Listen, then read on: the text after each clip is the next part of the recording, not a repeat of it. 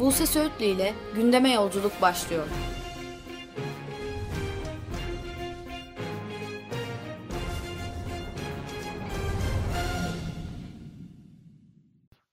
Merhaba sevgili Yolculuk Radyo dinleyenleri. Bir gündeme yolculuk programında daha birlikteyiz.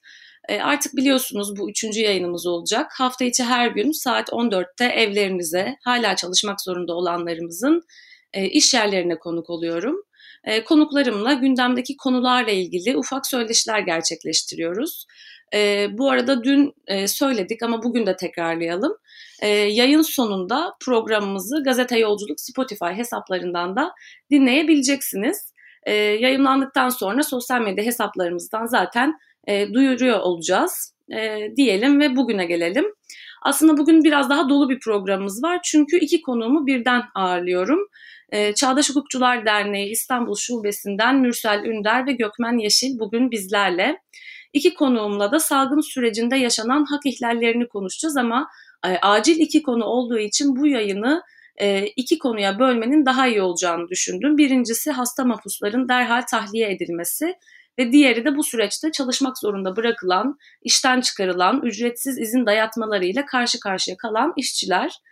E, biliyorsunuz biz hem gazetemizde hem de radyoda Türkiye hapishanelerine dair çokça haber ve yayın yapıyoruz. E, Türkiye hapishaneleri bugün fikirleri nedeniyle hapsedilmiş gazeteciler, gençler ve siyasetçilerle dolu.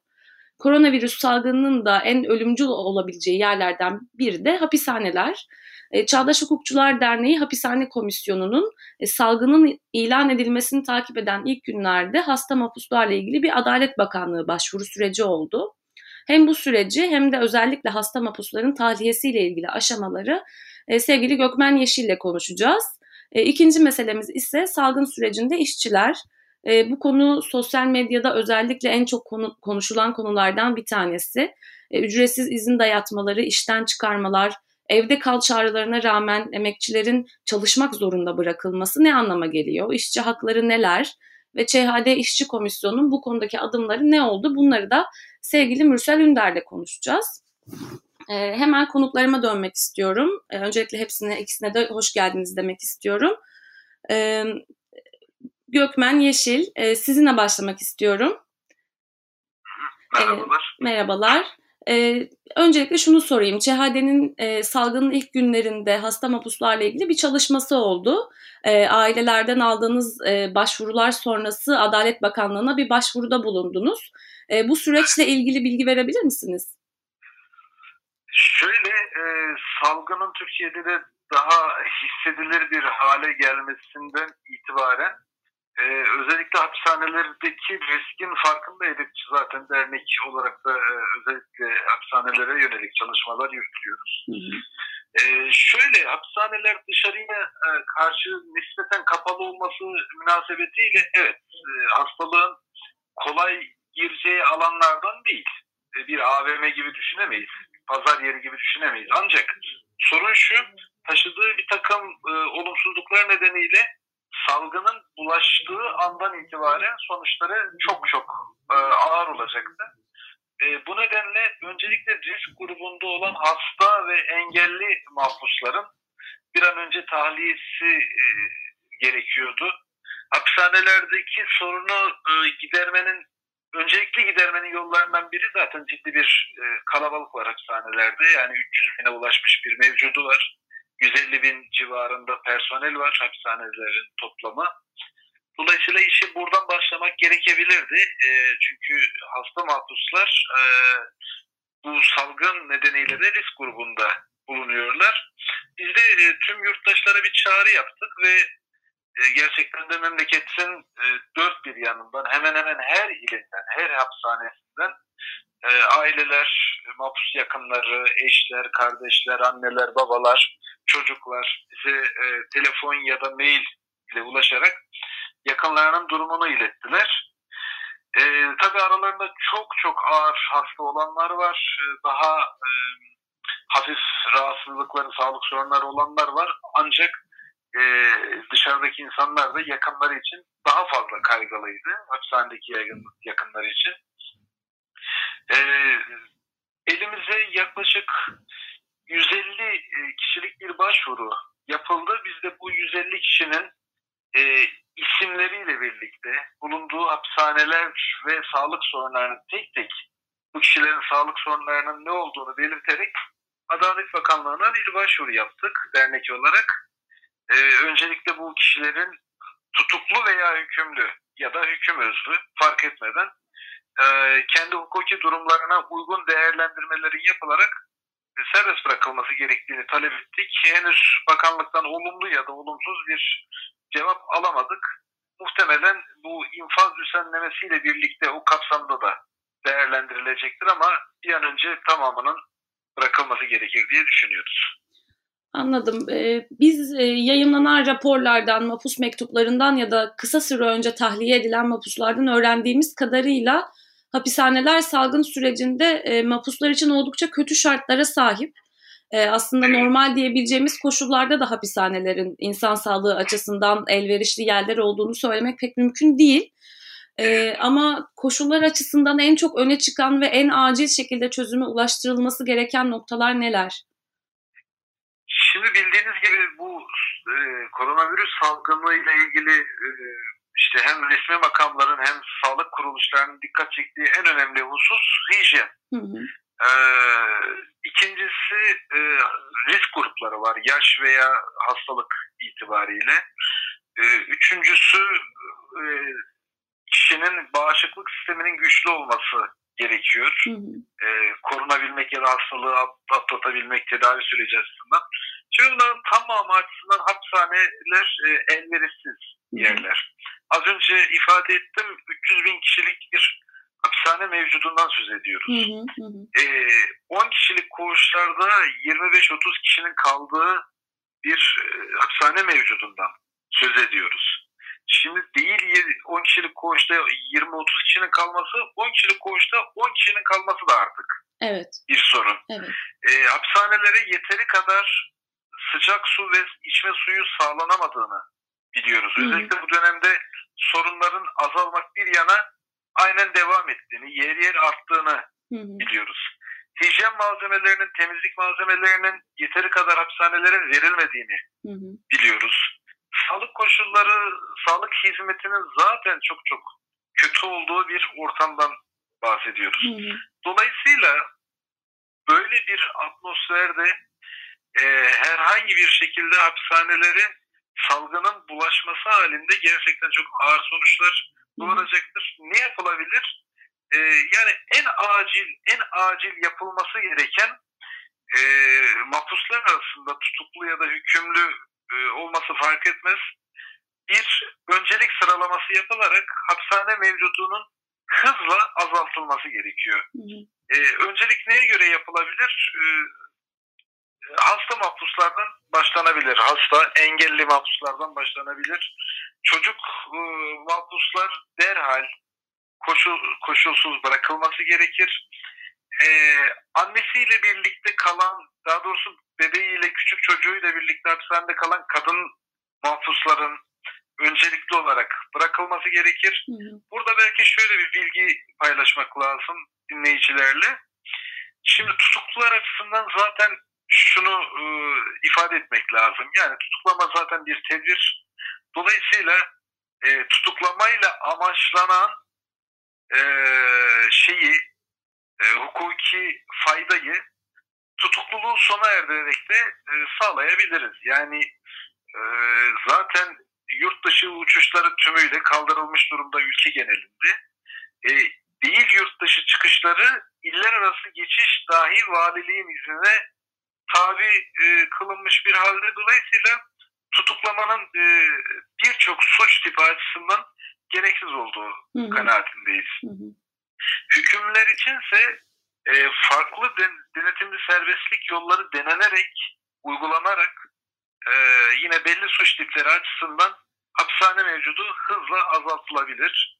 E, bunların arasında şey e, belki altını çizmek gerekirse yani hasta mahpuslar, engelli mahpuslar, çocuk mahpuslar ve çocuğuyla bebeğiyle birlikte kalan kadın mahpuslar öncelikli olarak hapishane mevcudu azaltılabilir. Bunun içerisinde tabii ki e, düşünce suçları, siyasi mahpuslar, e, kamuoyunda ya da basında ya da resmi resmi yetkililerin ağzında her ne kadar terör suçları diye ifade edilse de e, Türkiye'de tabii hemen hemen her şey terör suçu kapsamına girdiği için hı hı. siyasi suçlar açısından söylüyorum. Siyasi mahpusların hükümlü ya da tutuklu hiç fark etmez tamamının koşulsuz serbest bırakılması gerekir. Ee, öncelikle yapılması gereken bunlar diye düşünüyorum. Ee, siz e, siyasi e, tutsaklarla ilgili konuya gelmişken ben bir infaz indirimi sorusu da sormak istiyorum. E, Adalet Bakanı infaz indiriminin e, yakın zamanda meclise geleceğini duyurdu. Fakat bu düzenlemede siyasi tutsaklarla ilgili bir e, indirim öngörülmüyor. E, bunun ne gibi sonuçları olabileceğini düşünüyorsunuz? Çünkü e, biz Şakran'da bir hapishane doktorunun korona testinin pozitif olduğunu öğrendik. Tam da ölüm orucundayken zorla müdahale edilen Mustafa Koçak'ın durumu henüz gündemdeyken e, müvekkillerinin müvekkillerine müdahale eden doktorlar arasında korona pozitif olup olmadığını sormuştu avukatları. E, siyasi tutsaklar açısından bunun ne gibi sonuçları olur? Şimdi e, öncelikle e, siyasi mahpuslar, siyaset tutsaklar yönünden meseleye şöyle bak bakmak lazım. Az önce ifade etmeye çalıştım. Ee, yargı makamlarının ya da e, idari makamların terör tanımı o kadar geniş ki yani e, işte herhangi bir toplumsal olay hakkında fikir beyan ettiğinizde de terör tanımı içerisine girebiliyorsunuz. Hı hı. E, dolayısıyla terör suçu ile ilgili hapishanede tutulan tüm siyasi mahpusların ayrımsız bırakılması gerekiyor. Hı hı. Ancak bu yönde tam tersi şekilde bir ayrımcılık yaparak siyasi mahpusları kapsam dışına bırakarak yapılacak bir e, infaz düzenlemesinin e, eşitlik ilkesine, anayasaya aykırı olduğunu hı hı. da belirtmemiz gerekiyor. Hı hı. E, bu hem hukuka aykırı olacaktır hem e, halkın beklentilerine karşılık vermeyecektir. Yani siz e, terör diye ifade ettiğiniz gazetecileri, e, işte avukatları, insan hakları savunucularını hapishanede tutarken e, işte bir aileden bir kişiyi öldürmüş ya da uyuşturucu ticareti suçuna bulaşmış e, çeşitli yani tek tek bireylerin zarar gördüğü, uyuşturucu suçunda tabii toplum zarar görüyor esasen. Kitlelere hedef alan bir suç ama nihayetinde tekil bir cinayet e, dosyasında dahi e, o suçun bir mağduru var. Şimdi o suçun mağdurunu e, tabir yerindeyse affediyorsunuz ancak düşünce suçlularını terörist deyip, deyip hapishanede e, tutmaya devam ediyorsunuz. Bu e, ceza infaz e, hukukuyla ilgili adil bir uygulama olmadığı gibi intikam almayı, cezalandırmayı, ceza içinde ceza vermeyi mümkünse öldürmeyi amaçlayan bir uygulamaya dönüşür. Kabul etmek mümkün değil tabii ki böyle bir uygulamayı. Mustafa Koçak'la ilgili özel bir şey söylemem gerekiyor. Hı hı. Şimdi Mustafa Koçak'ın dosyası henüz Yargıtay'da. Hı hı. E, kesinleşmiş bir dosya değil, hüküm özlü bir dosya ve Mustafa Koçak tutuklu e, Mustafa Koçak'ın sağlık sorunları da ortadayken e, çok ağır bir risk altındayken zaten herhangi bir yasal düzenlemeye, infaz yasasındaki bir düzenlemeye zaten gerek yok. Derhal serbest bırakılması gerekir, tutukluluk halinin sonlandırılması gerekir diye düşünüyorum. E, son bir soru ve son bir gelişme olarak e, hapishanede mapus yakınlarıyla e, mapusların online olarak görüş gerçekleştirebileceğini öğrendik biz dün. Fakat buna bir şerh düşüldü. E, siyasi mapusların daha doğrusu e, kamuoyunda gördüğümüz şekilde terör ile iltisaklı mapusların e, bu haktan yararlanabilmeleri için hapishane içerisindeki tutum ve davranışlarına bakılacağını duyurdular. E, bu süreç e, siyasi tutsaklar için nasıl bir koşulun kapısını aralar? Yani pandemi koşulları geçtikten sonra da biz bu sürecin etkilerini görür müyüz? E, maalesef göreceğiz tabii ki. E, olumsuz etkilerini göreceğiz.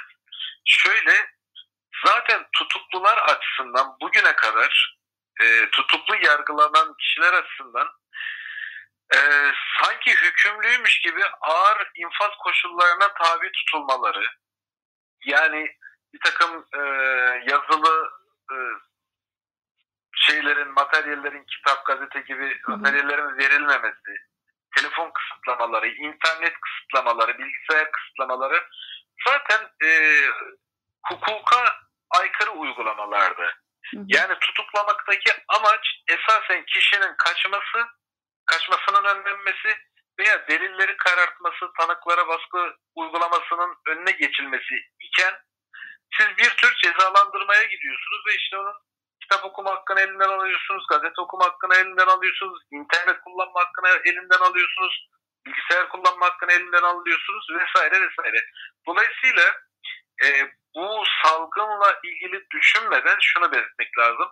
Tüm tutuklular açısından ayrımsız, tüm tutuklular açısından bu gibi hakların bugüne kadar ziyadesiyle, fazlasıyla verilmesi gerekiyordu. Hı hı. Bilgisayar kullanma hakkı, internet hakkı, online yakınlarıyla online ve istediği zaman hı hı. sınırlamaya tabi olmadan görüşme hakkı gibi imkanların verilmesi gerekiyordu esasen. Şimdi sizin ifade ettiğiniz e, şekliyle e, bu salgından kaynaklı bir düzenleme getiriliyor. E, anlaşılır bir tarafı var. O da şu, hapishanelerdeki yoğunluğun önüne geçmek e, ve ailelerden mahpuslara, mahpuslardan ailelere herhangi bir hastalık bulaşmasının önüne geçmek olarak ifade edilebilir. Şöyle iki noktanın altını çizmek lazım. Birincisi mahpus yakınlarının e, içerideki kişileri görmesinin önünde bir engel oluşturmaması lazım. Yani bir hak ihlali, ihlaline dönüşmemesi lazım. Ee, belli aralıklarla da olsa belli e, koşullar sağlamak biçiminde fiziki görüşmenin tümüyle kapatılmaması gerekiyor. Hı hı. Ancak insanlar içerideki yakınlarına merak ediyorken tabii bu tür alternatif yollar geliştirilmesi önemli. Ee, işte mahpuslarla ailelerin online görüntülü konuşması, telefon sürelerinin uzatılması bunlar önemli. E şimdi e, dediğiniz gibi siyasi mahpuslar açısından yine bir ayrımcılık burada getirilmiş. E, amaç şu, işte hapishane idaresinin değerlendirmesi sonucunda. Amaç şu, bize biat ederseniz hı hı. E, sizi belli haklardan e, faydalandırırız. Şimdi bu mümkün değil. Böyle bir uygulamanın kabul edilmesi ahlaken de e, hukuken de kabul edilmesi mümkün değil. E, çünkü e, dışarıdaki kişilerle ilgili ya da hapishanelerdeki kişilerle ilgili herhangi bir ayrımcılık uluslararası sözleşmelere de aykırı olacaktır. E, mahpus haklarına da aykırı olacaktır. Böyle bir ayrımcılık yapılamaz. Yani özellikle siyasi e, tutsakların biat etmesini, medanet getirmesini amaçlayan bu tür e, gayri ahlaki uygulamaların kabulü mümkün değil. E, herkes için yani siyasi mahpuslar da dahil herkes için bu hakların kullanılması gerekir diye düşünüyoruz. Fakat şöyle bir sorun var. Şimdi bu karanlık veya puslu tablodan faydalanarak e, kalıcı bir takım e, olumsuz düzenlemeler yapılıyor. Gerek infaz yönetmeliğinde gerekse yasal düzenlemelerde.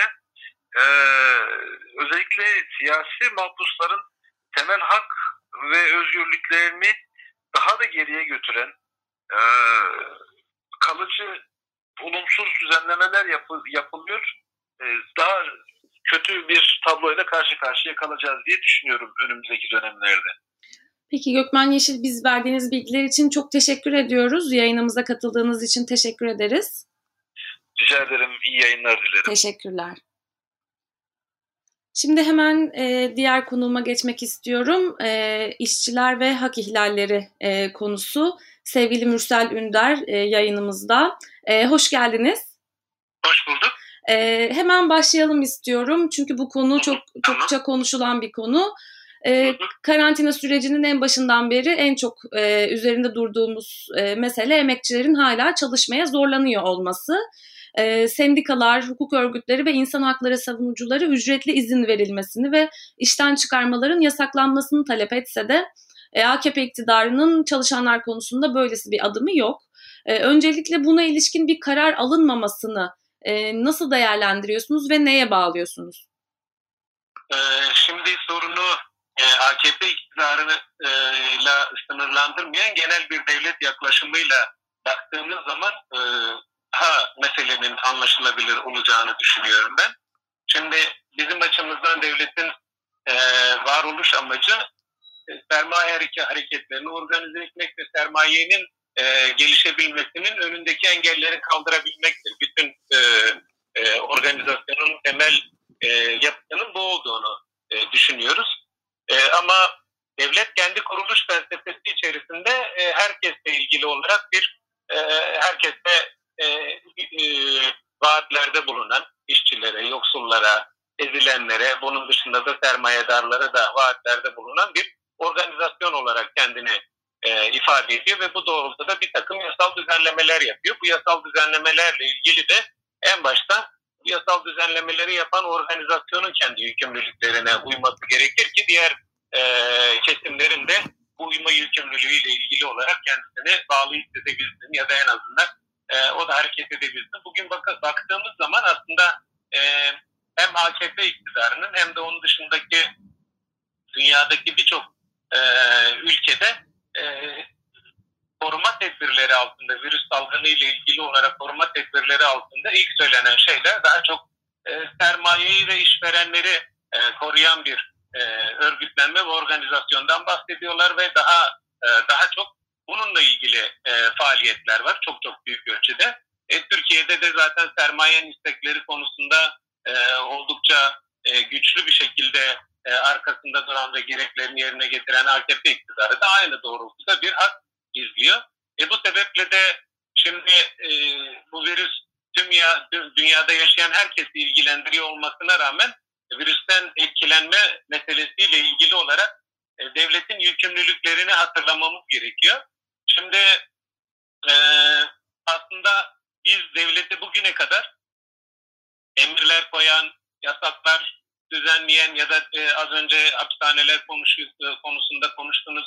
E, işte e, kendisinin istemediği sesleri hatta atan, e, vergiler talep eden e, ve hep böyle soğuk yüzünü gördük. E, şimdi devlet temel yasal düzenlemelerinde bu soğuk yüzü dışında aslında bir toplumsal organizasyon için var olduğunu iddia ediyor. Bu da nedir? İşte bu tür sıkıntılarda herkesin e, devletin kaynaklarından yararlanması gerektiğiyle ilgili olarak bir sürü e, bir sürü vaatte bulunuyor. Hani sosyal devlet gibi, e, onun dışında çeşitli konular gibi bir sürü yükümlülük altına giriyor. Bu yükümlülüklerle ilgili biz kendi iddia ettiği yükümlülükleri yerine getirmesiyle ilgili harekete geçmesini istiyoruz aslında, talep ediyoruz hı hı. E, devlette, e, devlette. Ama dediğimiz gibi e, bugüne kadar e, birkaç kere en yetkili ağızlardan e, ve Sağlık Bakanlığı ve Milli Eğitim Bakanlığı da e, muhtemelen e, hemen hemen her gün yaptığı açıklamalarda e, işçiler ve yoksullar lehine e, göstermelik uygulamalar dışında e, sorunun kaynağını e, ortadan kaldırmaya yönelik e, çözüm ve yaklaşımları göremiyoruz maalesef. Hı hı. Ee, siz de bahsettiniz hemen salgının ikinci gününde bir paket açıklandı ve bu paketin e, esas olarak patronları kurtarma paketi olduğunu söyleyebiliriz özetle. E, evet, bu paketten evet. işçilere ilişkin bir şey çıkmadı. E, dahası işçilerin e, talepleri için başvurabilecekleri sendikalar, sizin gibi hukuk örgütleri dışında bir adres de yok. E, başvurduklarında bir yanıt da yok. E, yani bizim hepimizin günleri salgın tehdidiyle geçip giderken size e, en çok gelen şikayetleri ve talepleri bizimle paylaşabilir misiniz? İşçiler bu süreçte somut olarak ne yaşıyor? Tabii ki.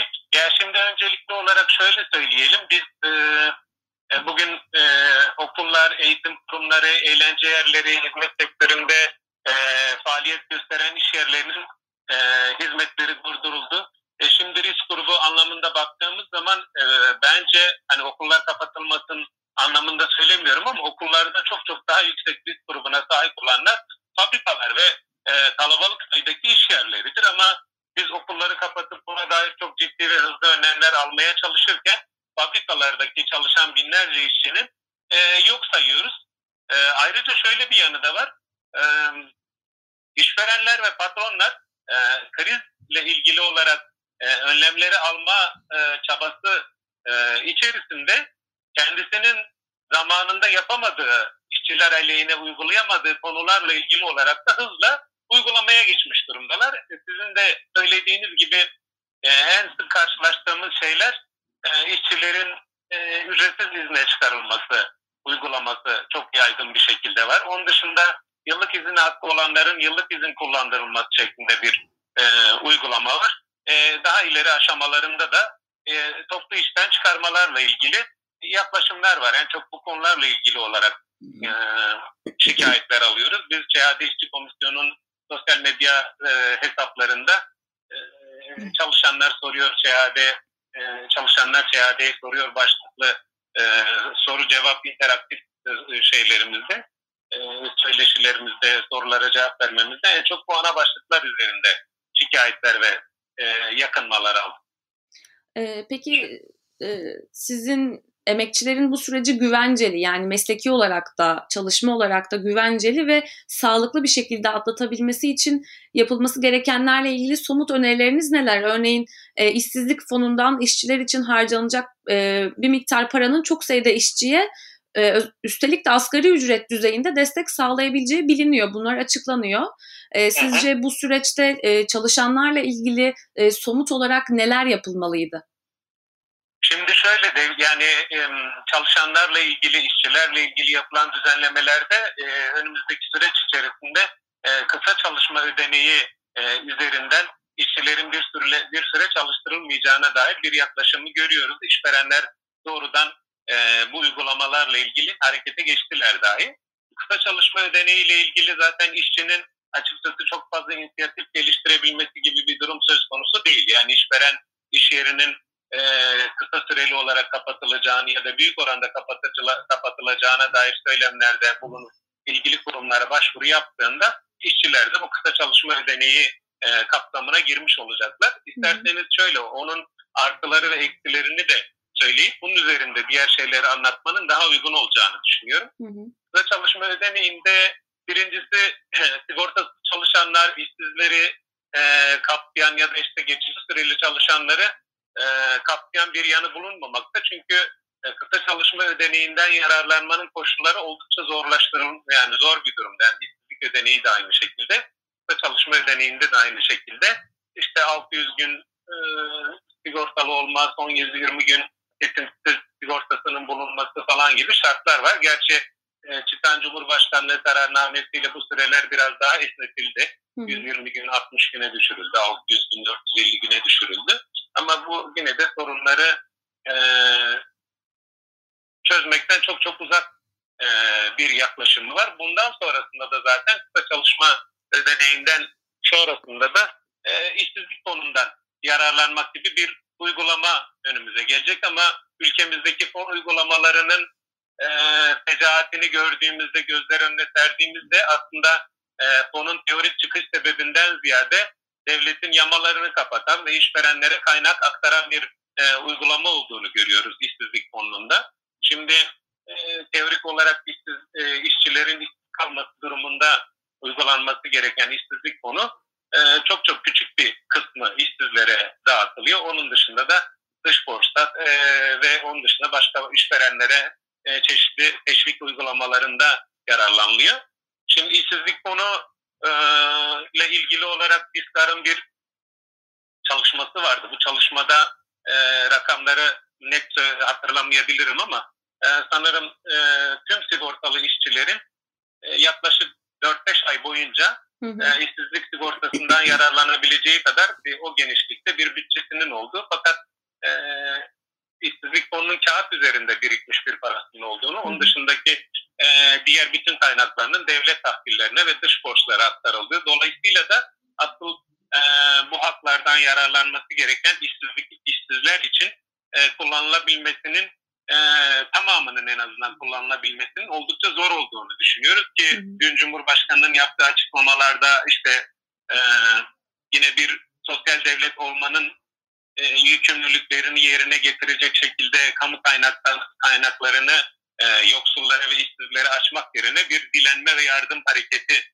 üzerinden e, eksikliklerini ve açıklarını örtmeyle ilgili bir e, çabayı da olduğunu gördüğümüz zaman aslında e, bu tür durumlar için e, kurulan fonların e, çoktan iç edildiğini de bize e, ortaya koyan verilerden birisi. Yani işte kendisinin e, 7 aylık maaşını bağışlaması, işte AKP'lilerden ve işte diğer milletvekillerinden ve e, patronlardan yardım dilenmesi gibi bir mesele e, AKP'nin aslında e, bu yani devlet olma yükümlülükleriyle ilgili olarak bakış açısını da e, ortaya koyan uygulamalar olduğunu düşünüyoruz. Onun için yardım talep edenden ziyade aslında devletin kamusal yükümlülüklerini e, yerine getireceği çeşitli uygulamalar olması gerekir. Siz işverenlerden yardım talep etmeyeceksiniz. Mesela insanların gelirine göre bu tür e, durumlar için, virüs ve benzeri olağanüstü durumlar için e, kaynaklar pekala kesintilerini yapabilirsiniz. Evet. E, bunlar çok çok önemli meseleler. E, biz temel olarak ücretli izin uygulanmasını e, esas alınmasına istedik. Mevzuat çerçevesinde değerlendirdiği zaman, değerlendirdiğimiz zaman işçilerin ücretli izne ayrılması gerektiğini, patronlarla ilgili olarak da patronların e, virüsün e, salgının etkilerinin, tehlikelerinin geçtiği zamana kadar da işçilere tam ve eksiksiz olarak ücretlerinin ödenmesi e, gerektiğini söylüyoruz, vurgusunu yapıyoruz. Ayrıca bir politik talep olarak da işten çıkarmaların yasaklanması gerekmektedir. Eğer siz gerçekten virüsle çalışanlar lehine e, güçlü bir mücadele vermek istiyorsanız önce samimiyetinizi ortaya koymanız gerekiyor. Bu samimiyeti ortaya koymanızın sebebi de mesela sağlık çalışanlarının işten çık- çıkmasının yasaklanması ile ilgili bakanlık bir düzenleme yaptı takip ettiyseniz. Hı hı. E, sağlık çalışanları bu süreç içerisinde işten çıkamayacaklar. E, siz aynı düzenlemeyi e, patronlar için de yapabilirsiniz. Hiçbir alanda eğer işçileri siz e, bu kadar devasa dünya ölçeğinde, insanlık tarihinde az sayıdaki böyle bir risk e, durumunda dahi çalıştırıyorsanız o zaman bununla ilgili olarak da yasal düzenlemeleri patronları rahatsız etse de yapmak durumundasınız. Yapmanız gerekiyor. Başta yapmanız gereken şey de önce işten çıkışların yasaklanması gerekiyor mutlaka. E, son olarak sendikal faaliyetlerle ilgili bir şey sormak istiyorum. Biz salgın sürecinde e, kısmi olarak askıya alındığını öğrendik aslında e, sendikal faaliyetlerin.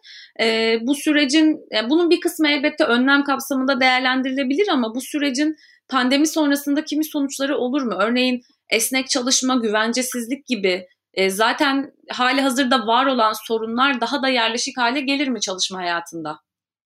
Ee, şimdi şöyle söyleyeyim, e, sermaye e, devletinin e, yani aslında devletlerin genel olarak uygulaması e, çıkan olağanüstü durumlardaki e, olağanüstü istisnai yolları daha sonrasında e, bir istisna olmaktan çıkarıp hı hı. genel kural haline getirdiğini hep beraber görüyoruz. Yani kendi ülkemizde çok yakın tarihte işte 15 ee, Temmuz meselesi üzerinden çıkardıkları o halde hı hı. E, işçi hakları ve e, siyasiler başta olmak üzere bunlarla ilgili olarak çok ciddi aleyhe düzenlemeler getirildi. Hı hı. E, o hal gerekçesiyle hayatımıza mesela güvenlik soruşturmalarını soktular. Daha sonrasını görüyoruz. O hal ortadan kalktı.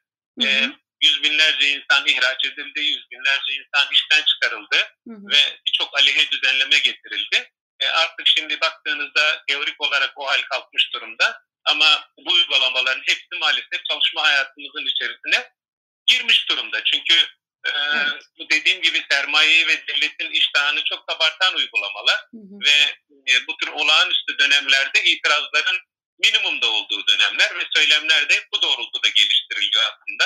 Hı hı. E, işte geçici olduğu bu sıkıntıların atlatılması için zorunlu olduğuna dair söylemler üzerinden getiriliyor ve itiraz mekanizmaları da üretiliyor ki şu aşamada bildiğimiz tepki yöntemlerini geliştirebilmek de oldukça zor. Yani bir gene e, bir e, grev örgütlenmesini, fiili olarak grev örgütlenmesini yapabilmek, bir basın açıklaması yapabilmek, miting yapabilmek gibi durumlar da aslında virüsün niteliği gereği de teknik olarak zor. E, ama e, bu virüste de uygun olacak şekilde etkin e, muhalefet biçimlerini geliştirmemiz gerekir. Tüm sendikaların, demokratik örgütlerinin, kişilerin, grupların hepsinin bir araya gelip burada e, sadece aslında işçiler açısından değil, işsizler açısından, e, kredi borçlular açısından, yoksullar açısından, tüketiciler açısından, e, kiracılar açısından çok ciddi e, bir çerçeve e, ve e, içerisinde bir cephe yaratılarak bu cephenin e, dilinin yaratılması ve bu döneme özgü eylem ve etkinlik biçimlerinin yaratılmasının çok çok önemli olduğunu düşünüyoruz. Yoksa e, bu virüsün etkileri geçtiğinde e, virüs süresince geçici olarak e, alındığı söylenen e, aleyhe uygulamaların hepsi yasal düzenlemelerle işçilerin karşısına çıkacak. Çok daha kötü koşullarda çalışmaya devam edecekler. Örnek olarak şöyle söyleyeyim. Mesela Macaristan'da e, ki hükümet e, iş mevzuatından o zaman e, işçilerin, Macaristan işçilerinin o zamana kadar kazanmış olduğu haklarının tamamının e, girdiği mevzuatla ilgili düzenlemeleri işçiyle işveren arasında e, sözleşmelerle ortadan kaldırılabileceğine dair oldukça faşizan düzenlemeler yapıldı. E, bu anlamda bizim de bu tür uygulamaların e, olabileceğini, kendi ülkemizde de olabileceğini düşünerek hı. bu faşizan düzenlemelere karşı, bu işçi düşmanı düzenlemelere karşı e, geniş bir cephe vererek e, etkin muhalefet yapmak hepimizin temel yükümlülüğü olduğunu düşünüyorum. Peki biz çok teşekkür ediyoruz yayınımıza katıldığınız şey için, değil. cevaplarınız çok, için. E, çok fazla başlık vardı, atladığımız çok fazla nokta da vardı ama hani sınırlı zaman içerisinde ancak bu şey oldu. Evet. E, aslında ücretsiz izin, yıllık izin meselesi, işçinin e, çalışmaktan kaçınma hakkı falan gibi durumlar da vardı ama onlar da artık başka programlarda e, CHD'den ya da başka kurumlardan E, avukat meslektaşlarla konuşulmasının kamuoyunun bilgilendirilmesi anlamda faydası olacağını düşünüyorum. Böyle e, ana başlıklarıyla böyle. O zaman diyelim. sizden söz almış olalım. Önümüzdeki günlerde tekrar yayınımıza konuk Tabii olup ki, ayrıntılı zaman, biçimde her zaman, e, bunları Olur. konuşuruz. Çok teşekkür ediyoruz. Tamam, kolay gelsin. İyi Sağ olun size de. Ee, evet bugün çok dolu bir yayın yaptık. Önce hapishanelere baktık. ÇHD İstanbul Şubesi'nden avukat Gökmen Yeşil bizlere hapishanelerin durumunu ve özellikle hasta mapusları anlattı. E, derneğin yaptığı Adalet Bakanlığı başvurusuyla ilgili açıklamalarda bulundu ve önümüzdeki süreçte özellikle siyasi tutsakları neler beklediğini e, dair e, sohbet ettik. E, yine ÇHD İstanbul Şubesi'nden Mürsel Ünder e, salgın sürecinin en çok konuşulan kesimlerinden biri olan işçileri, e, onların çalışma koşullarını ve taleplerini bize anlattı. E, ben her gün saat 14'te Yolculuk Radyo'da yapacağım yayınlarla gündemdeki konuları konunun uzmanları ve muhataplarıyla ele almaya devam edeceğim. E, yayınımızı yeni açan ya da geç açan e, dinleyicilerimiz olabilir. Tekrar hatırlatalım kaçıranlar ve programımızı yeniden izlemek isteyenler, yeniden dinlemek isteyenler için e, programımız Spotify hesaplarımızdan da yayınlanacak. Sosyal medya hesaplarımızdan erişime açıldığını duyuruyor olacağız. Bizi takip edebilirsiniz. E, kulağınız bizde olsun. Sağlıkla kalın.